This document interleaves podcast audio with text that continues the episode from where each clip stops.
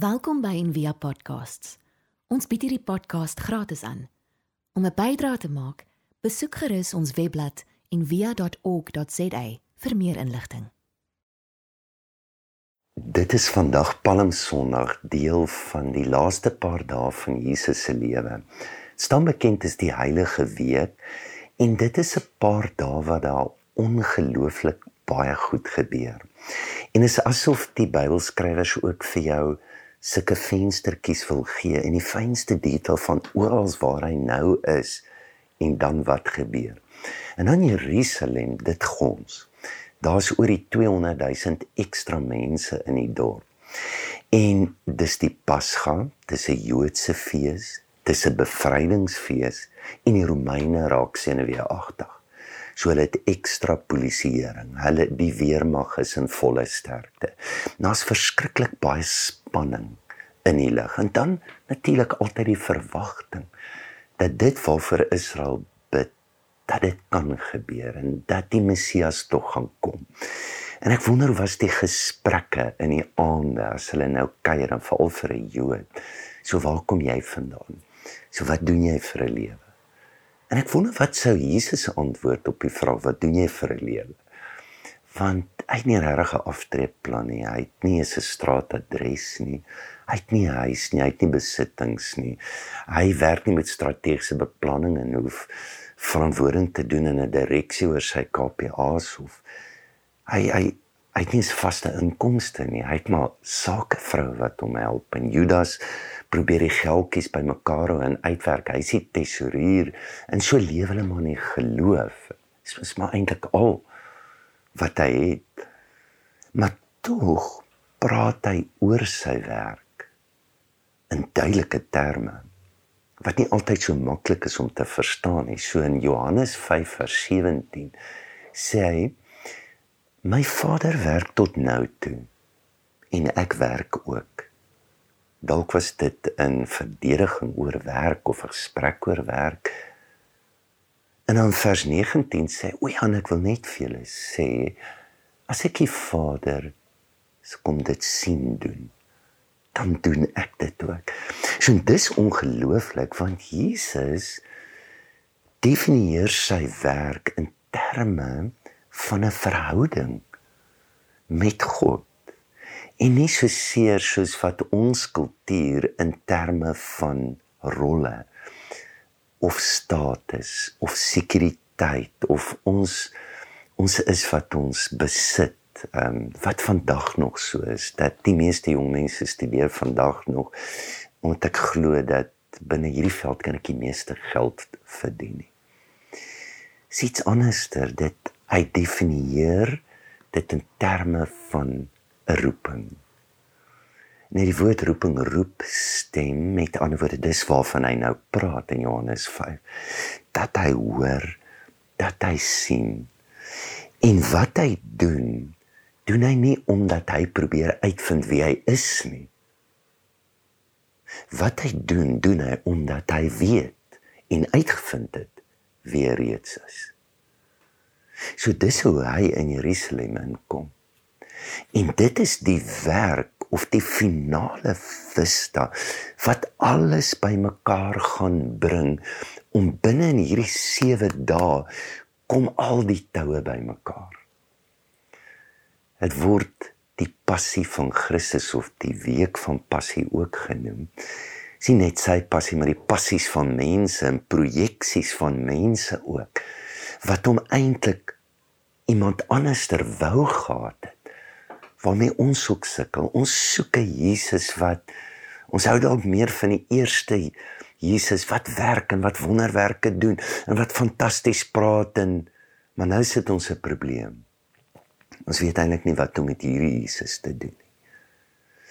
So net ietsie oor die passie ongelukkig die film The Passion of the Christ van Mel Gibson is ek dink nommer 1 is nie 'n baie goeie Bybelse weergawe wat daar gebeur het en dan ook nie die verskriklike wreedheid wat uitgebeeld word en kom nie in die Joodse tekste voor maar wel in die middeleeue wat die idee ontstaan het hoe groter die straf hoe groter die verlossing So net ietsie oor die passie. Passie, jy kan hoor die woord patience. Jy kan hoor die woord passive kom ook van passie. En hier is 'n venster op Jesus wat ons inlei in die passiwiteit van Jesus. So die eerste gedeelte van sy lewe is wat? Hy's besig dan sy by goewerneur, dan sy by koning, dan sy voor die Sanhedrin, dan volg hy skaar om, dan maak hulle hom wakker. Dan hy kry skaars rus.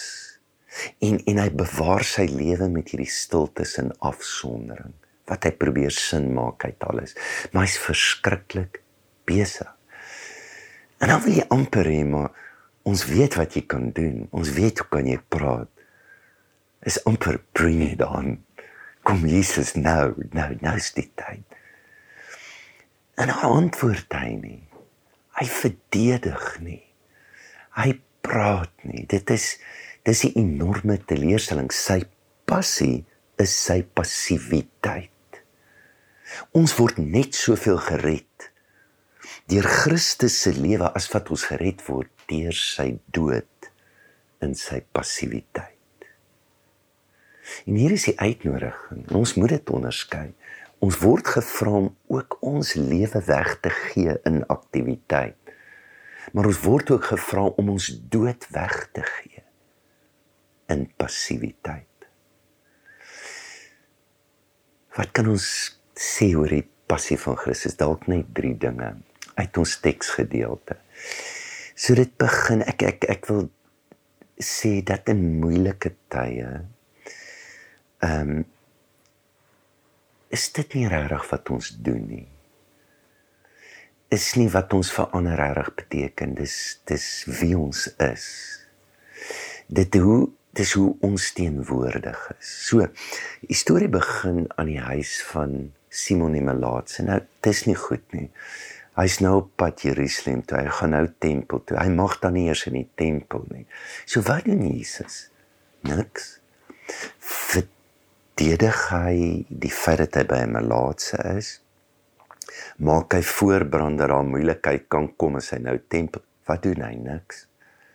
En dan bou die teks op met hierdie fantastiese vrou wat kom. En sy breek 'n fles parfuum oor hom. En dis 'n jaar se salaris en dan sien die disippels woedend en hulle sê maar ons kon hierdie geld vir arme mense gee. Wat 'n verkoosting. Wat doen Jesus? wys hy dalk die oppervlakkigheid van die disippels uit dat hulle onvermoë is dalk die rede dat hulle hierdie nou wil gee vir armes of dat hulle eintlik so min vir Jesus gee maar dit hulle so maklik na buite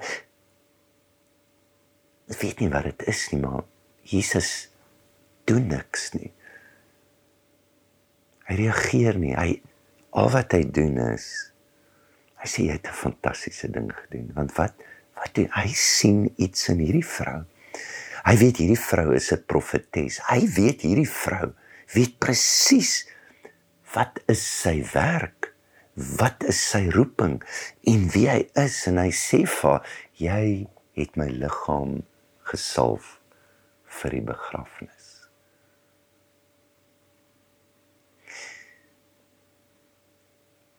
Ons grootste krag en teenwoordigheid is om net te wees. En dan gaan hy met die ongelukkigheid, die tweespalt van die disippels, hulle is nog ongelukkig oor hierdie ding. Keer om nie om te doen, wat doen hy? Hy doen wat hy moet doen. Hy gaan nou Jerusalem toe. Die tweede punt wat ons leer oor die passie is dat in ons stilte en in ons passiwiteit word die boosheid self ontbloot.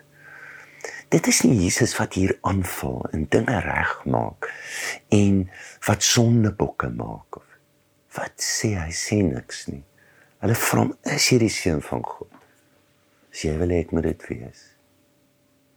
As jy die weg, as jy die waarheid. As jy wil hê ek moet dit wees. En dan word hy ingelei in drie verhore en die een is godsdienstige verhoor, die ander een is 'n politieke verhoor en dan is daar 'n militêre verhoor. En in die skrywer skryf hy dit fantasties want hulle wil vir jou wys dat dit nie Jesus wat in die beskuldigingsbank is nie, maar dat dit ek en jy is en dat dit die gehoor is. Die absolute leuns gekonkelry van die godsdiens word ontbloot. Hulle word uitgewys. Die magteloosheid van 'n goewerneur wat sy hande was en sê maar ek ek kan nie ek kan nie hierdie uitspraak lewer nie. Ek, ek ek vind nie skuld in hierdie man nie. Kan jy sien hoe wys dit op die vuiste en die geskreef van die skare wat sê kruisig hom, kruisig hom. Kan jy sien dis die gehoor. Hoor jy die stemme wat sê toe doen iets, goed toe roep nou engele, jy kan ons wonderwerke doen. Hoe God die absolute oppervlakkigheid van geloof ontbloot. Is jou God net 'n superwese?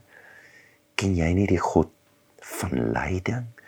Weet jy nie hoe naby God aan ons is in die moeilikste van ons lewe nie?